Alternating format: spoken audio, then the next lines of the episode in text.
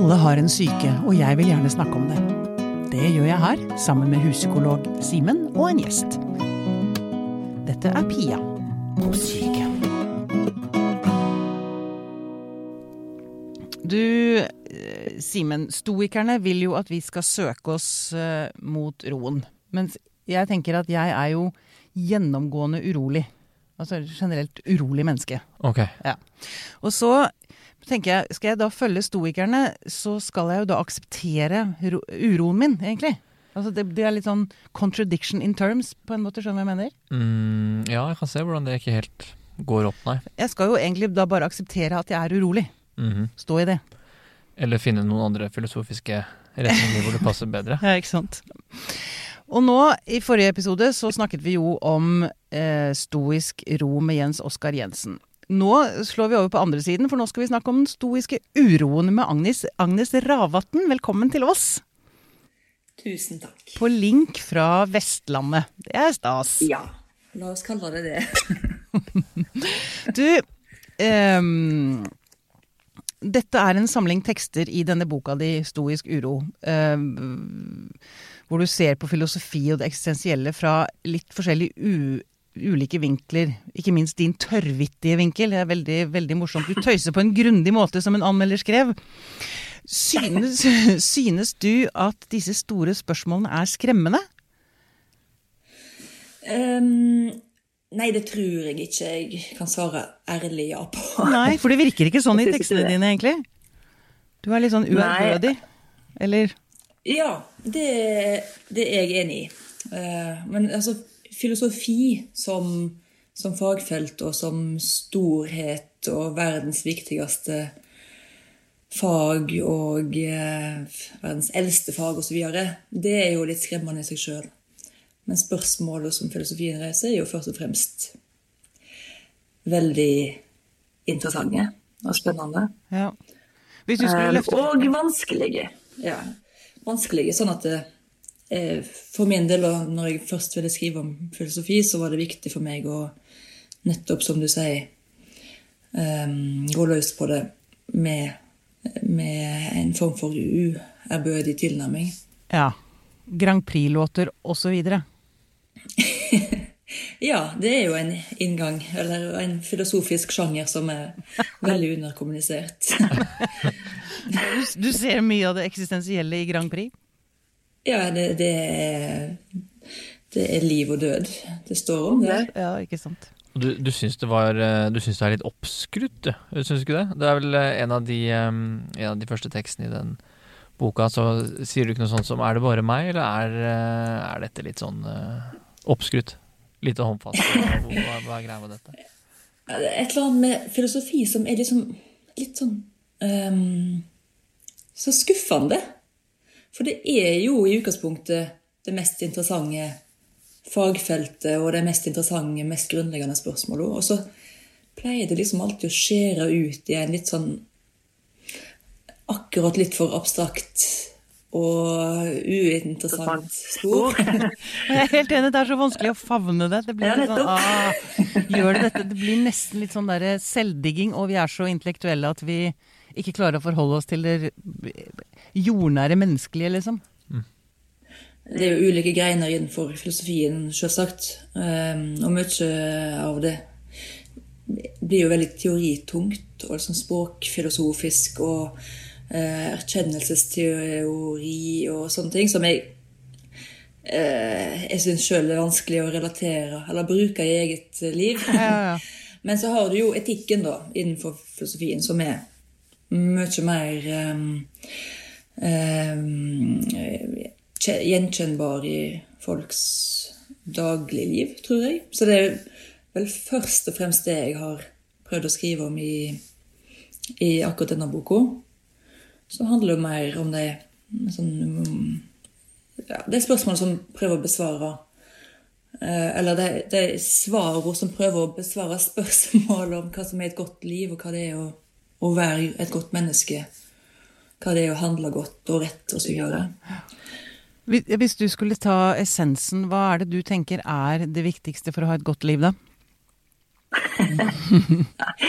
Nå ser vi til deg som nå. Tusen takk for det. Nei, det er jo det 6000 år med grubling ennå ikke har klart helt å svare på. Um, men det jeg syns er interessant, er jo at det fortsatt er de eldste tekstene, eller noen av de eldste tekstene, som kanskje har de beste svarene. F.eks. stoisismen og um, Aristoteles syns jeg jo kan si veldig mye fornuftig om, om hva som er et godt liv. Og jeg føler på sett og vis ikke at vi har kommet så veldig mye lenger i dag. Um, Nei. En, altså, ja, egentlig ikke. Aristoteles skriver jo mye om at det, det, å ha et godt liv handler om å oppfylle sitt potensial.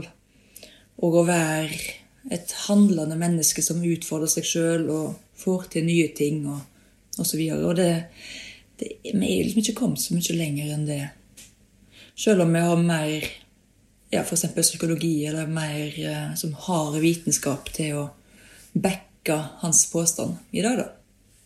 Men tror dere at jeg håper å si, Du sier at vi ikke er kommet noe videre, men kanskje det ikke er noe videre? Altså, altså det, det, kan hende at det er bare det det er de største tankene er tenkt, liksom. Er, svaret ligger der. Er det ja, Gjerne for meg, det. Hva tenker du, Simen? Eller altså, Jeg er jo helt enig. Det, jo ikke, det har jo ikke skjedd så mye på denne tankefronten egentlig, siden den gang. Eller? det, er, det er det vel eh, kanskje ikke alle som ville vært enig i. Og det er sikkert veldig mye å si om det, men det er jo spennende da, at vi fortsatt går tilbake til mange tusen år. Og går i de samme diskusjonene. Og mm. vender tilbake dit. Det er vel fordi det er jo de helt grunnleggende spørsmål om hva det betyr å, å være menneske. Ja. De traff jo åpenbart blink, mm. og vi fortsatt kjenner at det er relevant i, er i livene våre ja. i dag. Det er akkurat det. Um, men du, Agnes, du eh, sa eller skrev, nå husker jeg ikke hvor jeg plukket opp det, men at du var mye mer eksistensiell i 20-åra dine? At du var ja, det tror jeg. opptatt av det eksistensielle den gangen, og at nå er du litt mer sånn ja ja, whatever. Eller? Ja, det, det tror jeg òg er noe som mange kan kjenne seg igjen i. At den er, det er en fase der i slutten av tenåra og i 20-åra der, der en har, går rundt med en sånn liten brann i seg og hele tida en stemme i hodet som sier Men det skal vel være noe mer enn dette? um, og så blir en enten mer resignert med åra som går, eller bare litt mer liksom, realitetsorientert, kanskje. Jeg, jeg, tror det har veldig mye med livsfase å gjøre. Så I 20-åra var jeg eh, ung og fri og helt uten ansvar, nesten. Og uten plikter. Og eh, nå er jeg mor, først og fremst. Og, og med alt det medfører, så, så eh, altså, Nå handler det mer om å få hverdagen til å gå opp og prøve å være en, en mest mulig konsekvent person. Så de eksistensielle valgene ble, de ble tatt? Og ja, de ble tatt. Konsekvensen av de? Nettopp. Nettopp. Så det, det, er nok det jeg tror skjer i mange tilfeller. Det der, den derre 20-årsbrannen um, slukner litt av en sånn eh, Det legger seg sånn fuk, ja, en sånn fuktig vaskeklut som bare legger seg fint oppi over det som måtte være av eh, eksistensiell eh, lengsel og jeg har liksom tenkt at de store eksistensielle tingene kommer når man blir Altså jo eldre man blir, jo nærmere døden man rykker. Jo større blir denne, disse store spørsmålene. At jeg tenker at i 20-åra så eh, Da lurer man kanskje veldig på hvem, hvem man er og sånn, men det er jo Eller jeg kan kjenne på det nå, jeg er jo over 50. Og tenker at, men da kommer, Nå kommer disse spørsmålene på meg, men er dette det, mm. liksom?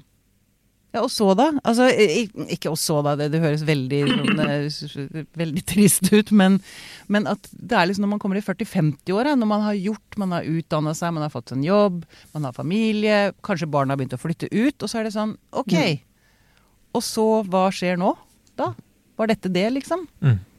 Er, er det Er kan ikke det være et av flere eksempler når det eksistensielle dukker opp i livet vårt, som i, når vi går inn i en ny fase i livet? Om det så er når vi Ja. går inn i alderdommen, eller om vi går ut av videregående, så er det kanskje i de øyeblikkene hvor, eh, hvor livet endrer seg, at disse spørsmålene dukker opp. mm. Som Mm. kanskje spørsmålene vil være noen andre når man er i 20-åra enn i 50-åra, men Ja.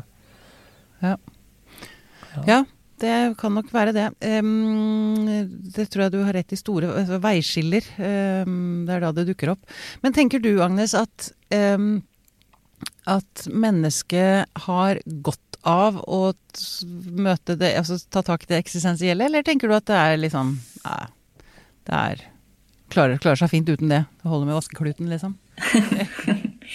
Jeg mener at han har veldig godt av det. Men det handler om å utvide synet sitt på livet og på seg sjøl og de rundt en. Um, jeg tror det er ingen som, som har vondt av eh, å kjenne på et eksistensielt alvor.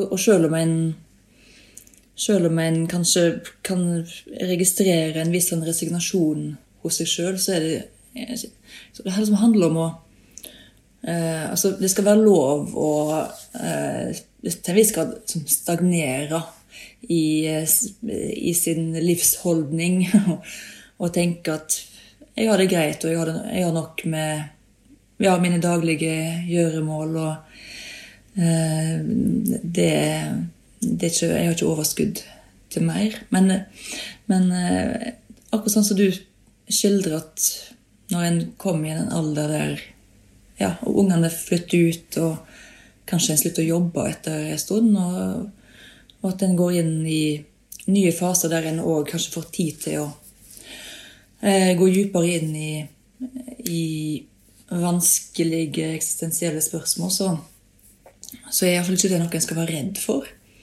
Um, jeg tror at sjølgransking kan være veldig fruktbart og gjør den erfaringa erfaringer over hvor dyrebart og spesielt livet er. Altså det, det er jo bare bra. er det Og de, Du tok jo noen ganske opprivende valg i etterkant, sånn som jeg forstår det kronologisk. At du fordypte deg i de ulike eksistensfilosofiene og, og skrev disse tekstene. Så endte det med at du eh, flytter jo fra Oslo som eh, journalist og, og kjøper deg et småbruk i havgapet. Er det en direkte Ja. konsekvens av at du uh, fordypa deg i dette? Um, ja, det, altså til en viss grad, tror jeg. Jeg hadde jo aldri i min villeste fantasi forestilt meg at det skulle faktisk munne ut i noe. Da, når, da jeg begynte å, å lese med filosofi med, liksom med litt mer inngående. Og prøve. Så det som er poenget med min bok, er jo det, For det er jo en, virkelig en hårreisende, mangelfull bok om filosofi. Den tar for seg en promille av, av, av et X-Fill-pensum. Ja. Så det, det, men poenget med bok og det som er, var min tilnærming, var å prøve å gjøre altså dra filosofien litt ned og anvende de ulike retningene mer direkte på mitt eget liv. Det gjorde du sannelig. Ja, og, og spesielt altså den ene, den ene halvdelen av boka handler mer spesifikt om Søren Kirkegård. Og eh, det halvåret jeg liksom mer eller mindre fordypa meg i han og hans såkalte stadielære, som i veldig stor grad handler om å ta valg eh, og forplikte seg osv. For å ta spranget fra et Ja. Eh, det, det var inspirerende. For da var jeg i en, ja, en fase i livet der jeg levde et eh, nokså bekymringsløst liv i Oslo som journalist, som du sa. Og eh, jeg hadde en samboer og var 30 år og begynte å lure på hva, hva nå? Og da eh, Det er jo selvsagt i den fasen at folk begynner å tenke på skal vi bli foreldre, skal vi bo her, hva, hva skal skje? Eh, og Kirkegård er veldig tydelig på at det, at det handler ikke så veldig mye om hva valg du tar. Poenget er å ta et valg. Og stå Og i det. så i ettertid prøve å stå, stå for det. Stå fast i det. Så eh, da. Ja, du blir misfornøyd uansett. Som er en veldig sånn behagelig innsikt. Eh, Så da ble jeg bestemte meg å sette hvert for å, ja, å bli foreldre. Um, og, og flytte til eh, min svigerfamilies nedlagte småbruk, som ingen i familien var interessert i å ta over. Og du er skikkelig misfornøyd med det, eller? Ja, daglig misfornøyd. Men jeg ville vel vært misfornøyd i Altså, jeg er veldig fornøyd med det, men jeg var, jeg var fornøyd i byen òg. Så jeg hadde et godt liv der, og jeg har et godt liv her. Så jeg er vel til en viss grad velsigna med en sånn livsholdning, eller jeg, jeg har stort sett alltid vært fornøyd der jeg, der jeg er. Ja. Men, du er, Eh, men det er, du er helt- gjennomgående fornøyd med valgene du har tatt, rett og slett?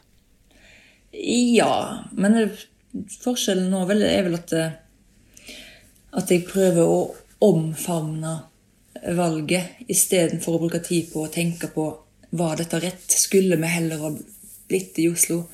Skal vi flytte tilbake? Noe som ville vært helt umulig rent økonomisk. fordi når en først har flytta fra Oslo, så kan Så kommer- ikke kommer seg ikke tilbake. inn igjen der, nei, Kommer det- seg ikke inn igjen. men eh, men eh, så nå, nå omfavner jeg eh, dette livet som eh, en veldig irritert småbarnsmor og en irritert sauebonde, som jeg for ti år siden ville vært en helt fjern tanke Ja, å være. Ja. Men dette- med å omfavne valgene sine Én ting er jo de valgene man faktisk aktivt tar, men så er det jo de tingene som skjer i livet. Ikke sant? Du er jo nå friskmeldt etter en kreftdiagnose. Jeg har en bipolar diagnose som jeg innimellom kan hate intenst. Ehm, Eller hva er, det, hva er det man sier? I hate being bipolar, it's awesome. Litt, ja. Eh, Men kan vi snakke litt om det? eh, Hvordan man kan eh, omfavne det livet gir deg? Har dere, har dere, to kloke menneskene, har dere noe klokt å si til akkurat det? Det er jo kanskje det den stoisismen kom inn igjen, som, Det er en sånn grunnpilar dreier seg om å akseptere sin skjebne og ikke bruke tid på å prøve å endre noe som du ikke har noen innvirkning over. Men det er jo lettere sagt enn gjort, kanskje. Ehm, men jeg, jeg husker sjøl når, jeg- når jeg fikk den diagnosen, eh, overraskende, at jeg Eh, Jeg overraska meg sjøl òg ved å eh, reagere med en veldig stor ro oppi det hele. Jeg var jo selvsagt eh, livredd og veldig urolig over hva framtida nå ville bringe for meg. Men det jeg likevel eh, husker aller Det kan godt være at jeg har glemt litt ut hvor redd jeg var, og at jeg husker veldig godt hvor rolig jeg var. Men, men, jeg, men det som skjedde, var at jeg, altså jeg fikk den diagnosen som var en alvorlig kreftdiagnose, og det var veldig usikkert. Um, altså jeg måtte ta, jeg måtte ta, ta bilder av store deler av kroppen for å, for å mm, se om det kunne være spredning. Og så fikk jeg ikke svar på de prøvene på over litt, litt over ei uke. Så det var ei uke der som var virkelig helt eh, Grotesk, kan man vel si. Eh, ja, det var veldig, veldig eh, dårlig. og, og i tillegg, så, samme dag som jeg fikk den diagnosen, veldig overraskende, så, så døde min svigermor. Så vi fikk to eh, ble ramma av to katastrofer samtidig. Men det både jeg og mannen vår mm, eh, ble forbløffa over i den situasjonen, var at vi, vi ble superkonstruktive. og veldig fokuserte og veldig rolige. Og der, der jeg mener at kanskje den stoisismen ble noe mer enn bare ord på et papir, da, men at det, det sank vel inn at her kan vi Her er det ingenting å gjøre. Utover å ja, planlegge den begravelsen. Eh, begynne å eh, rydda ut av huset. Henta ungene i barnehagen. Um, gjør ting normalt. Og venta på den dommen fra, fra sykehuset. Det var liksom ingen Vi hadde ikke noe annet valg. Og da Ja, altså Kanskje var det så enkelt som at vi var i sjokk. Eh, og det er jo sånn at en, en Jeg kjenner jo mange som har opplevd veldig vanskelige ting. Forferdelige, vonde ting.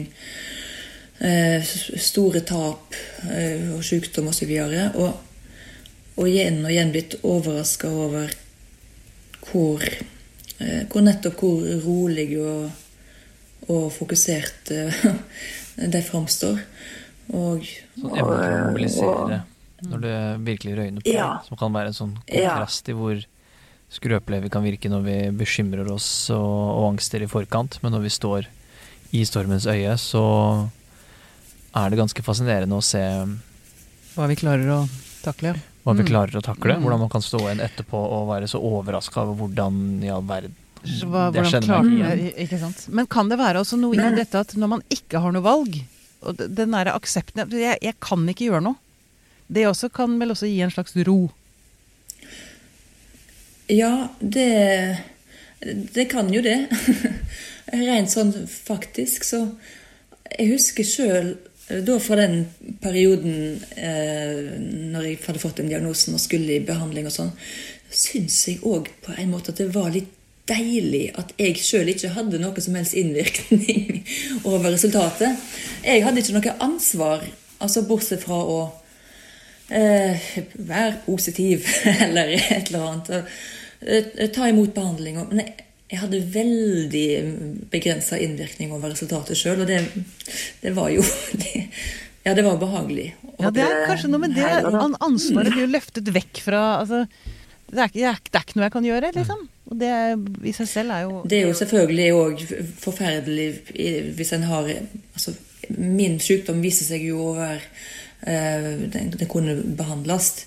Mens for de som får diagnoser som ikke kan ha noe kurativt siktemål, så er det jo akkurat det jeg nå løfter fram som behagelig. Eh, Selvsagt bare frustrerende. Eh, For, de som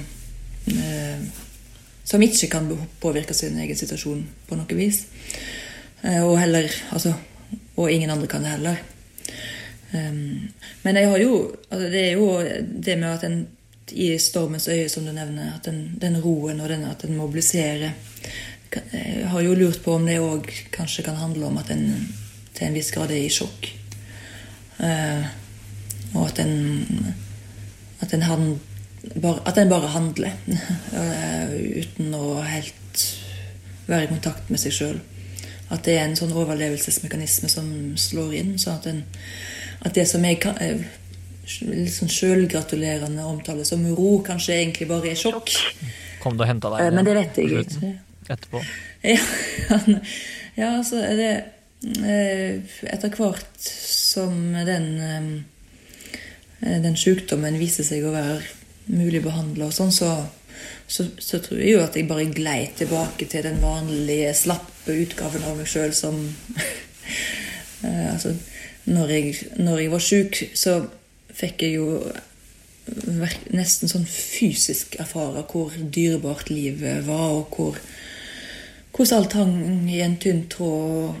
Vil jeg opp vil jeg få oppleve at sønnene mine vokser opp, eller må jeg, må jeg bare akseptere at det får jeg aldri oppleve, og, og sånne ting. Mens, og da blir jo alt sterkt, for en, et voldsomt altså Det er en eksistensiell lyskaster som blir slått på, og som gjør alt du som du kan miste, veldig synlig. Mens, mens i dagliglivet da, så tror jeg jo at de fleste av oss eh, ikke har på den lyskasteren. Nei, jeg skulle til å si det. Jeg skulle ønske at man kunne ha den på, i hvert fall skru den opp litt i styrke. da, Kanskje ikke på full flombelysning mm. hele tiden, men men det er altså, vi glemmer det der litt. Det der, dette å være. Men kom, ja, det med, kom det som et blaff, ja. eller ble lyset Er du fortsatt opplyst? Nei, jeg er ikke det.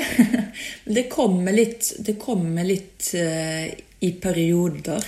Men jeg, det er jo noe ved den Det høres litt sånn Eller det høres litt uh, dumt uh, ut å si det, men det, det, er visse ting jeg savner ved den sykdomsperioden òg det at alt ble så sterkt og så nært. Og, så, jeg, jeg, jeg, husker at jeg liksom satt på den derre altså Det er en sånn buss som frakter pasienter til Haukeland i Bergen, der jeg var pasient. Så jeg skulle ta den bussen, da. Det er som bare gamle og sjuke som er på den bussen. Altså Pasientekspressen heter den. Og jeg hadde jo tatt buss til Bergen mange ganger på jobb og sånn. Jeg bor et par timer fra Bergen. Og så eh, Så neste gang jeg tok den bussen, eh, så, det, så tok jeg ikke den vanlige kystbussen for vanlige, pasient, nei, for vanlige passasjerer, men jeg tok Pasientekspressen.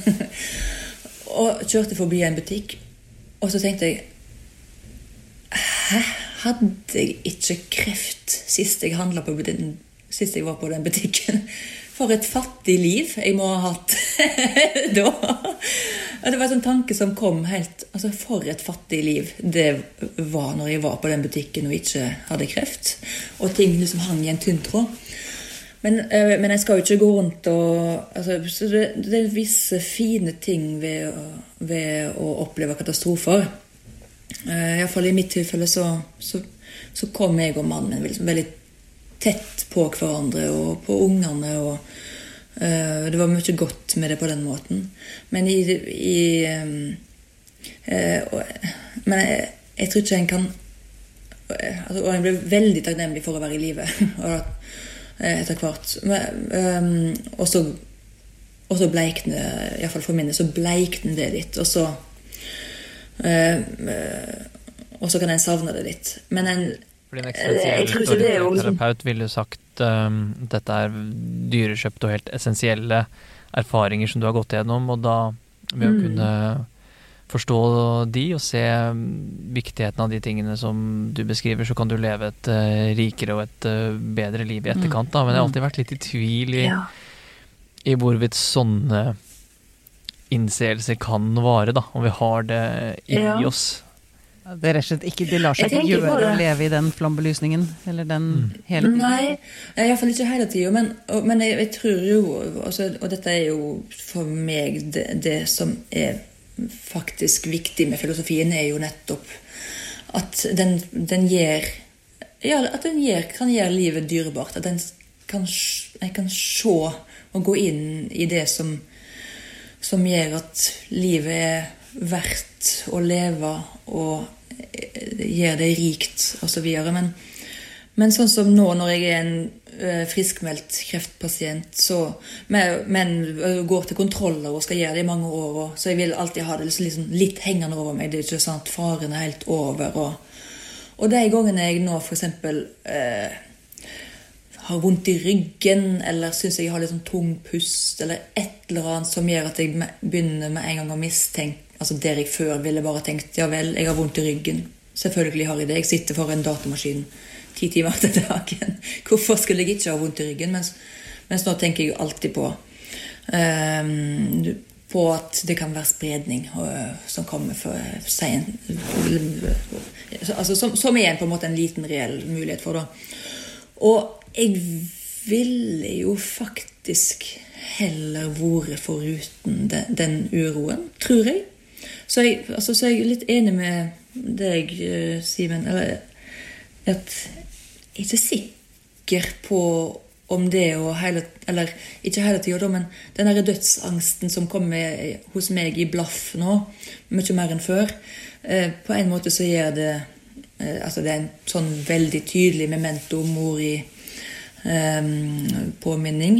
Samtidig så gjør det meg jo mørkere til sinns òg. Eh, og det er ikke noe kjekt å gå rundt og bekymre seg for å uh, være sjuk, der en før ville bare ha tenkt at det er noe ja, helt jeg har vondt i ryggen. Ja, ikke sant. Mm. Ja. Mm. ja. Um, det siste året har vi lært at teknologi kan erstatte mange ting. Men vi har også lært at det ikke finnes noe alternativ til en god klem. Når du er klar til å fly igjen, fly til et sted som virkelig betyr noe. Vi er klare til å ta det dit. KLM. Bestill din reise i dag på klm.no. Hvordan kan du få det bedre med deg selv? Hør Relasjonspodden med Dora Toralsdottir og Kjersti Idem. Jeg lurer på om dere kan si noe om hvordan jeg kan hjelpe min datter på 11 år, som nå opplever sin første kjærlighetssorg. Han skrev rett ut at han ikke lenger hadde følelser for henne, og at han likte en annen. Jeg fikk vondt, fordi hun som 11-åring fikk denne tilbakemeldingen som jeg selv ikke tålte som 35-åring. Jeg har aldri blitt meg selv etter bruddet. Jeg vet ikke hvorfor. Hør Relasjonspodden to ganger i uka på podplay.no. En, en, ting også som du skriver et eller annet sted, nå hopper jeg litt, men du skrev at, skrev at du eh, følte at du eh, sto utenfor livet. Mm, ja. ja. Og det kan jeg også kjenne igjen. Um, jeg tror det er kanskje det er, Jeg innbiller meg at det er en del som kan kjenne seg igjen det der. At man ikke er helt deltaker i sitt eget liv. Eller var det det du mente da? Ja. Ja. Uh, og det, det, er vel når jeg skriver om Kirkegård uh, og det som han beskriver, kaller estetikeren, eller den estetiske livsholdningen, der en forholder seg litt sånn eh, halvinteressert til verden og til sine medmennesker. Går ja, En har mange bekjente, men ingen venner. En, han skriver at han er en tangent til livets sirkel, tror jeg. Som er en fin skildring. At den, at den har et litt sånn ironisk forhold til verden. Uh, og det traff meg veldig i, når jeg leste det i 20-åra. Og tenkte at det, så, dette er en perfekt beskrivelse av meg sjøl.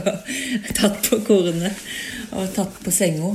Og, um, og, det var det som satte i gang min, mitt um, um, Ikke bare halvhjerta, det var egentlig litt Altså Det var et ektefølt ønske om å ta det spranget han, han beskriver, fra det estetiske til det etiske. etiske. Men du var ikke innom det ironiske, eller? For det er vel det, det er midtstadiet? Eh, jo, det var, jeg, det var, vel egentlig der jeg var. ja, det er det som er morsomt med Kirkegård. Det er liksom de tre stadiene hans som er kjent. Det, eller, eh, det, når en skriver om hans stadielære, så er det det estetiske, det etiske og det religiøse. Men det som er mindre kjent, er at det fins to eh, midtstadier mellom, mellom hvert av dem, som er det ironiske mellom det estetiske og det etiske. Og så er det det humoristiske mellom det etiske og det religiøse stadiet. Og det pekte seg ut som et perfekt stadie for meg. Der Istedenfor at en forholder seg sånn ironisk distansert og kjølig til verden. Så humoristen eh, har mer en sånn holdning En varm og empatisk holdning til verden og til sine medmennesker. Og, og har på en måte eh, erkjent at livet er tragisk. Eh, og det er ingenting vi kan gjøre med det. Um, og eh, utover å se på, se på seg sjøl og hverandre med et empatisk blikk. Der etikeren f.eks. strever etter å bli et godt eh, menneske som omfavner pliktene og um, har, har, store ambisjoner uh, for sitt liv, så er Men en etisk moralisten litt mer ja, slitsomt ut.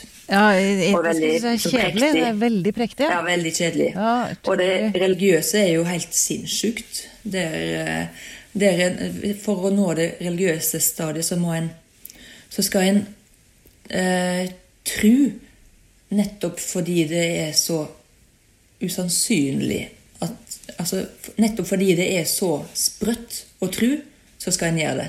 Det gjør en det da.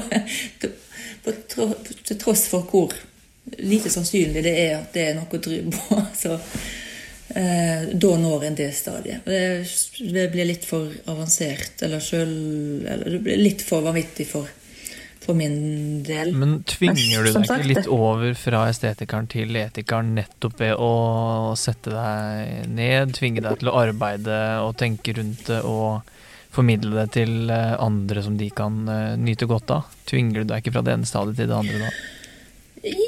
Jo, takk. Det, det kan vi godt si. jo altså Eh, men estetikeren er jo nettopp en sånn, sånn flanerende type. altså Som kan godt være sette seg ned og jobbe og sende sine betraktninger ut i verden. Som, altså, jeg, tror mange, jeg tror han hadde kanskje nettopp forfatteren og kunstneren litt i tankene, som liksom lever en litt sånn flyktig tilværelse. og um, At det handler mye om sjølhevding og mye av um, mye av skrivearbeidet handler jo om, om sjølframstilling og, eh, å være sjølopptatt. Så, så, jeg tror nesten at en, en i Kirkegårds øyne iallfall, så er eh, kanskje den etikeren er mer den, den hardtarbeidende, gifte småbrukeren som jeg nå. Nemlig. Kanskje, kanskje har du Jeg ikke lenger bryr meg om berømmelse. Det er mer sannsynlig. Sånne stadieteorier har aldri klart seg veldig godt opp igjennom, da. Verken i utviklingsteori eller psykoanalyse. Eller, altså, vi går jo mer og mer bort fra de stadiene. Vi er for komplekse som skapninger til at vi kan passe inn i bokser. Ja, det hadde vært mye lettere om vi klarte å bokse oss. Ja, og hva er det som skal til for å gå fra et sted til et annet, og kan man gå fram og tilbake? Og, kan man ha litt fra begge, begge, fra alle, ikke sant. Ja. De faller fort igjennom, altså. Mm, mm. Men vi liker ja, veldig godt det, det er veldig forlokkende og virker så oversiktlig og, og systematisk og greit, men det, det, kolliderer jo veldig fort. Og de fleste av oss er jo selvsagt, som du sier, en, en kombinasjon av estetikeren og etikeren. Og, en, en sjøørret? Ja. En sjøørret. Brakkvann? Var det brakkvannet du snakket om? Ja, det var, ja, det, var det. Ja. Var det sjøørret? Ja, det, ja.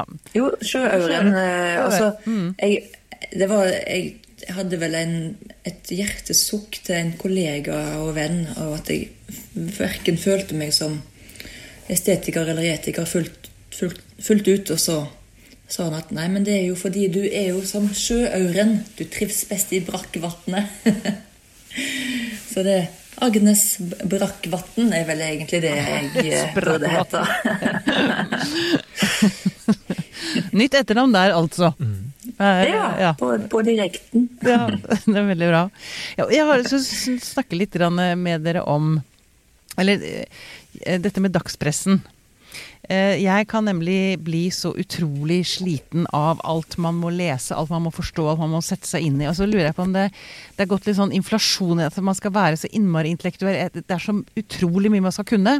Og så sier Kirkegård at øh, folk interesserer seg for mye, men forplikter seg til ingenting.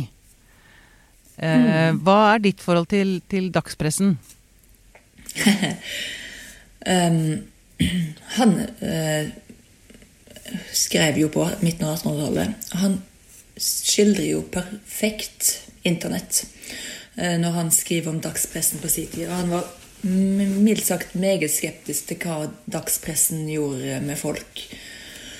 Både fordi en altså Fordi livet kunne flyte forbi mens en las og las og las, og på en uforpliktende måte. Altså så Det ble et tidsfordriv. Den andre store innvendinga hans mot dagspressen er, er jo at en kan eh, skjule seg bak et em, pseudonym, for å si det sånn. En skjuler identiteten sin og kan skrive hva en vil uten å måtte stå skikkelig til rette for det. Og sånn er det jo virkelig med internett i dag. Um, begge deler er jo veldig treffende. Uh, For min del så er ikke jeg så veldig aktiv um, F.eks. i kommentarfelt, der jo de anonyme her i dag. Mens eh, det første, altså det at en kan En kan jo bruke år av sitt liv på å eh, lese feed, eh, sosiale medier-feeder og eh, nettartikler og hoppe fra det ene til det andre, og så eh, Det er veldig, veldig, veldig mye altså, Jeg har, får et um, litt sånn forkvakla eh, bilde av Eller den, det som en kanskje ser på som, eh, som nyttig og kunnskapsutvidende input, er jo egentlig bare eh, tidsfordriv. Sånn er det iallfall for meg. Det- Ja, og så lurer på man drar det også med seg inn i samtaler med venner. Altså jeg opplever at mennesker, eller noen kan smykke seg med kunnskap. Altså man bruker kunnskapen som en sånn altså, det, Man kommer kanskje ikke til en ordentlig samtale eh, fordi man er så opptatt av å brife med hva man har lest, hva man har lært. Altså, skjønner, du, skjønner du hva jeg mener? At, at, at det blir en sånn eh, At disse nyhetene står nesten i veien for oss. eh, for eh, nærhet, da. Er dere med på Ja, det? det, dette er jeg veldig opptatt av. Um, og altså, det, det er mange ting men det, det som du sier der, er veldig treffende. Fordi når folk sier noe som de um, Altså noe kunnskap de har funnet, og som kan brife med det, så vet jo alle at ja, men du har jo bare lest. Det er ikke noe du har funnet fram til i ditt eget hode, så det er liksom ikke så imponerende heller. Men um, Jeg er jo opp, veldig opptatt av alt dette som har med ja, skjermer generelt, og ikke bare eh, dagspresse og nyheter, men, men hva, hva denne informasjons, altså massive informasjonsmengden gjør med oss. Og det, det som du sier der med nærhet, tror jeg er veldig sant og helt poengtert. For det en ser f.eks. hvis to personer møtes på kafé og snakker i lag. Og begge to har telefonene sine på, liggende på bordet, som en som regel har. Så vil den samtalen bli mindre djup enn en samtale mellom to som snakker i lag uten å ha telefonene eh, oppe. Fordi når en snakker med en som har telefonen sin liggende der, så vet en at en, hvis en skal begynne å snakke om noe um, nært eller sårt eller litt farlig eller bekjenne noe, så kan en hele tida bli avbrutt av at en får en telefon eller en melding eller en, et push-varsel. Og selv om det Sånn ikke en- kommer, så gjør det noe med kvaliteten på samtalen? Ja. Bare at muligheten er Og det er jo, det er jo ekstremt provoserende å snakke med noen som hele tida tar opp telefonen og sjekker. Har jo lyst til å slenge noe i hodet på dem. Så det er akkurat det, det derre at det har blitt en vane å hele tida avbryte hverandre ved, fordi det kommer et pip på en maskin som alle har med seg, det er jo utrolig trist for den mellommenneskelige eh, relasjonen. Og, det, og, det, og dette tror jeg liksom ja, Alle som er i et forhold,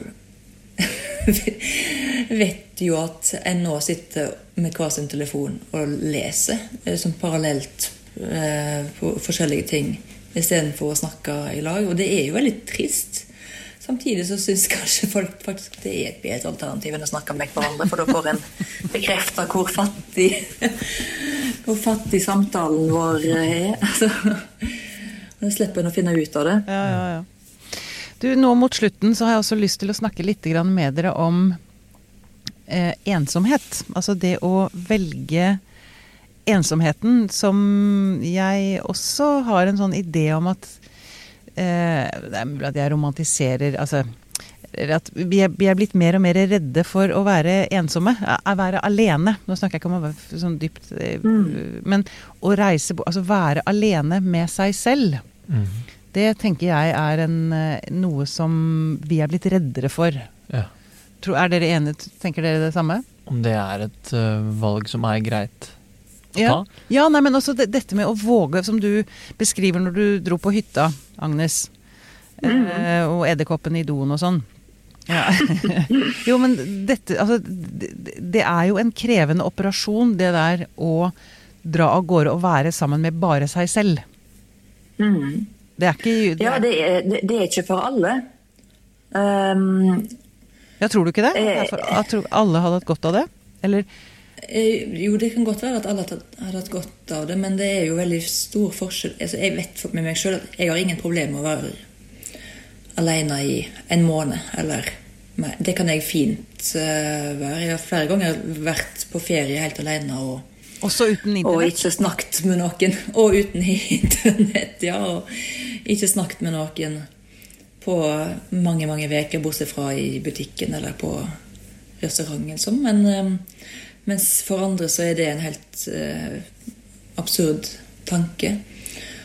Og der er vi jo forskjellige altså når det gjelder introversjon og hva en, treng, hva en trenger av mellommenneskelig kontakt. Men men eh, jeg vet ikke, altså jeg Kirkegård er jo veldig tydelig på at, at det er de som har det behovet for å være alene, at det er, det er liksom um, de ypperste menneskene. Men, men, at det blir sett på som en, nærmest som en perversjon, det å, det å å ville være alene. Og han eksemplifiserer det vel med at den største straffen altså når, Hva gjør vi med forbrytere? Jo, vi setter dem i fengsel. altså Vi utsetter dem for ensomhet. At en ser på ensomhet som den verste straff. Mens jeg tror veldig mange folk eh, tenker at de ville klart seg ganske greit. Jeg tror jeg, Den verste straffen for meg tror jeg ville vært å bli plassert i et eller annet rom med masse folk hvor jeg må drive sånn smalltalk døgnet rundt. Altså, evig tid. Paradise Hotel. Ja. Men vi er litt tvetydige der um, som disiplin, psykologien, tenker jeg. Fordi vi, jeg tenker at noen ganger snakker vi om det å være alene som en dyd, som noe man må tåle. Mm. Du må tåle å være um, alene. Du må tåle å romme dine egne følelser osv. uten mm. at andre skal regulere de for deg. Samtidig så er det et must at du lever eh, sammen med andre. Vi er dypt relasjonelle dyr, mm. og hvis ikke du får til det, så er det i hvert fall noe som skurrer. Ja. Så her uh, må mm. vi finne ut av en balanse, og den er uh, Jeg tror vi kan bli ganske mot uh, motsigende og argumentere litt for, for, begge deler. Vi har ikke helt klart for oss ja. hvor den balansen skal være, tror Nei. jeg. Men det, det, men det, kan vel ikke være noen tvil om at det og, og altså det å, å trives i, i, sitt eget selskap, det er jo en gave. Mm. Mm. Uh, så er det noen som har kalt det selvtilstrekkelighet isteden. Med en sånn ja. eh, eh, ja, men den er iallfall ikke til plage for andre. Jeg er helt enig. Jeg trives også veldig godt i eh, mitt eget selskap, gjerne over lengre tid også. Ja, det, må, må så, det, må, være så, fryktelig å ikke klare det. For da tenkte jeg skrekken man må ha i livet da, hvis man ikke klarer å være alene. Det er jo helt krise. Altså. Ja, det er jo det som er fengselet i mine øyne. Um, men det du eh, sa om å ja, at det å ikke være, kunne være alene, det handler om at en trenger noen andre til å regulere sine egne følelser. Er det sånn dere ser på det? Vi som er dere, psykologer? Dere psykologslekta? ja. Nei, ikke nødvendigvis. Men vi er jo opptatt av at man skal uh... Jeg vil ikke bare regulere, er det ikke distrahere også? distrahere, det blir flukt uh, i det. Ja, men, men, er det For det premisset om at de som ikke tåler å være alene, det er fordi hvis de hadde vært alene, så måtte de blitt tvunget til å, å tenke gjennom veldig alvorlige eksistensielle problemstillinger. Tror dere på det? Nei, det vil jeg ikke si. Jeg tror de hadde tenkt på helt praktiske ting. Jeg planlagt pakkekalender til ungene sine. Og men så er det Jo, men frykten for det handler vel om det? Er det ikke det? Altså, frykten for å være alene handler vel, tenker jeg, må handle litt om at man er redd for at man da blir konfrontert med sterke følelser i seg selv som man Jeg syns er veldig bare ubehagelig. Jeg tror det bare handler om at de er redd for å gå glipp av det gøye som skjer der ute. Kan jo selvfølgelig være.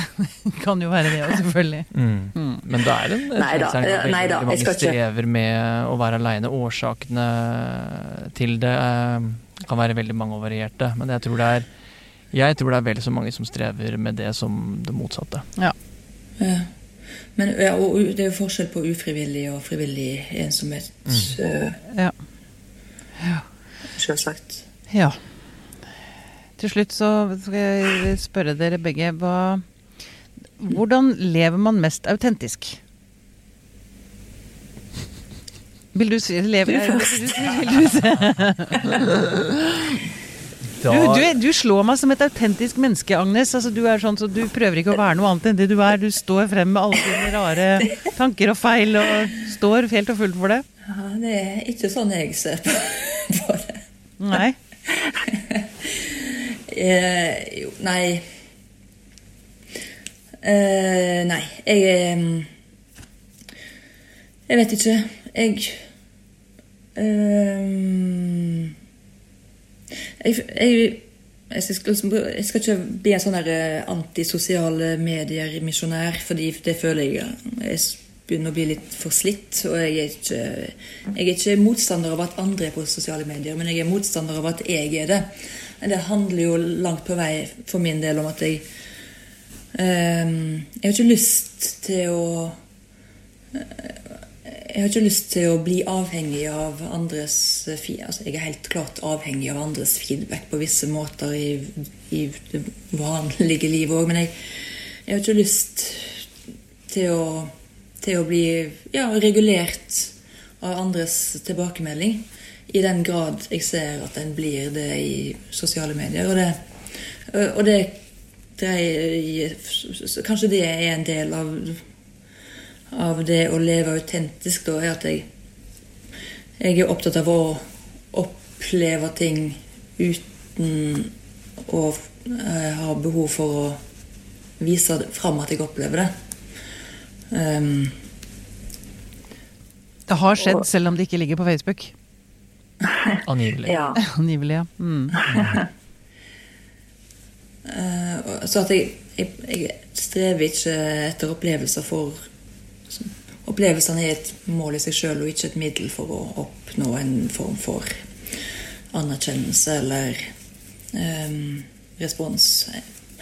Og det Samtidig så vet jeg jo at jeg går glipp av veldig mange gøye opplysninger og kjekke krangler som jeg gjerne skulle ha vært. Krangler, ja. ja. Det er noe med å se Noen kommentarfelt kan være artig å følge. Um, Ja. Det er jo sprøtt hva folk får seg til å si i de feltene der. Det som jeg syns var virkelig bra med Facebook den tida jeg var der, var jo å å det, få det unike innblikket i folks sanne personlighet. Ja, Jeg tenker på professorer og andre høytstående medlemmer av den norske offentligheten som på, på, takket være Facebook viste at de var jo helt fullstendig sprø. Eh, og det er jo veldig nyttig, for det er jo å um, En lar seg jo prege av autoriteter på grunn av deres autoritet eller posisjon. Så det å se at Nei, det, de er ko-ko, de òg, det synes jeg var utrolig nyttig. Ja, ser den. Ser den. Ja, er det noe noen av dere syns vi burde snakke, si noe mer om? Før vi avslutter. Jeg, jeg kunne jo gjerne snakka en time, har time vel til. jeg, dekka det meste. Eh, Selve meningen. Selve meningen. Mm. Har, vi funnet, har vi funnet meningen? Ja, litt mening. Litt mer mening. Ja. Og eh, Ja. erkjenne hvem vi er, og ta konsekvensen av det. Ja. Oi, var det det vi skulle snakke om? ja. Ja, men eh, det handler ikke så mye så- som jeg uh, har lest mange plasser, men som jeg fortsatt syns, selv om det er en klisjé, så er det likevel fint. Da, at eh, det er ikke så nøye med mening og med livet, så lenge en kan finne mening i livet. Og det, det kan vi jo. Mm. Det er godt nok, det. ja. For et Men- siste ord. Mening i livet. Veldig bra. Veldig bra.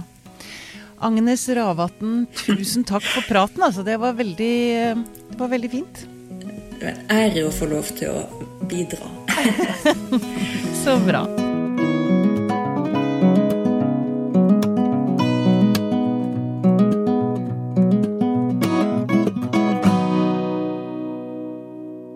Denne Podkasten er produsert av Tid og Lyst. Med støtte fra stiftelsen Kåre Berg. Har du et enkeltpersonforetak eller en liten bedrift? Fristen for næringsoppgaven er 31. mai, og du er kanskje en av de som gruer seg? Tenk så deilig det hadde vært om du kunne trykke på en knapp, og så var du ferdig. Med fiken kan du det. Trykk på knappen, så sender vi det som trengs rett inn til Altinn for deg. Gjør som 50 000 andre, ta regnskapet selv med fiken. Prøv gratis på fiken.no.